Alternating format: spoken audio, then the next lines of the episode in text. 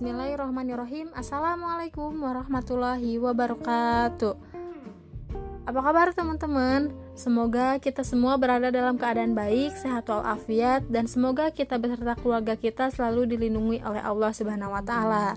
Dan semoga saumnya diberikan kelancaran oleh Allah Dan selalu semangat terus ya teman-teman Nah, Kembali lagi dengan saya Agnia Sabila Kurniawan dengan NIM 1908010 dari kelas PKN 2019A. Jangan bosan ya teman-teman mendengarkan podcast dari saya ini. Seperti biasa, di sini saya akan sedikit menanggapi pemaparan materi yang disampaikan oleh kelompok 18 yang beranggotakan Rizky dan Jati mengenai belajar mandiri sebagai pengembangan profesi untuk pendidik guru studi sosial pemula. Saya ingin mengapresiasi terlebih dahulu kepada Rizky dan Jati yang telah menyuguhkan materi yang cukup baik gitu. Nah, di sini izinkan saya untuk menyampaikan sedikit tanggapan terhadap kedua pemateri pada saat menjelaskan materi tersebut gitu. Langsung saja kepada pemateri yang pertama Menurut saya, dengan background seperti itu dan suara yang pelan mengakibatkan suasana menjadi bosan.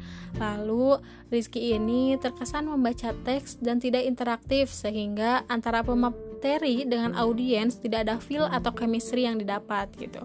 Nah, sedikit saran dari saya gitu, agar memilih backsoundnya yang tepat gitu yang bisa menghidupkan suasana podcastnya gitu agar tidak bosan nah untuk Rizky juga agar lebih memahami secara mendalam materi yang ingin dijelaskan sehingga pada saat menyampaikan materinya uh, lebih dimengerti oleh audiens gitu. Nah, lebih bagus disertai dengan contoh-contoh kehidupannya gitu agar lebih lebih bisa dipahami oleh para audiens seperti itu.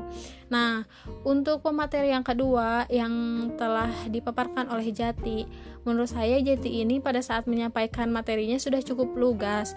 Namun sama seperti pemateri yang pertama nih, sama seperti Rizky, Jati ini dirasa kurang memahami materi dengan materi yang dia sampaikan sehingga terdengar terbata-bata dalam membacanya. Nah, eh, apabila Jati ini memahami materi, mungkin pada saat Jati menjelaskan materinya tidak akan terbata-bata gitu. Namun semoga semua kekurangannya dijadikan pembelajaran untuk ke depannya gitu. Amin.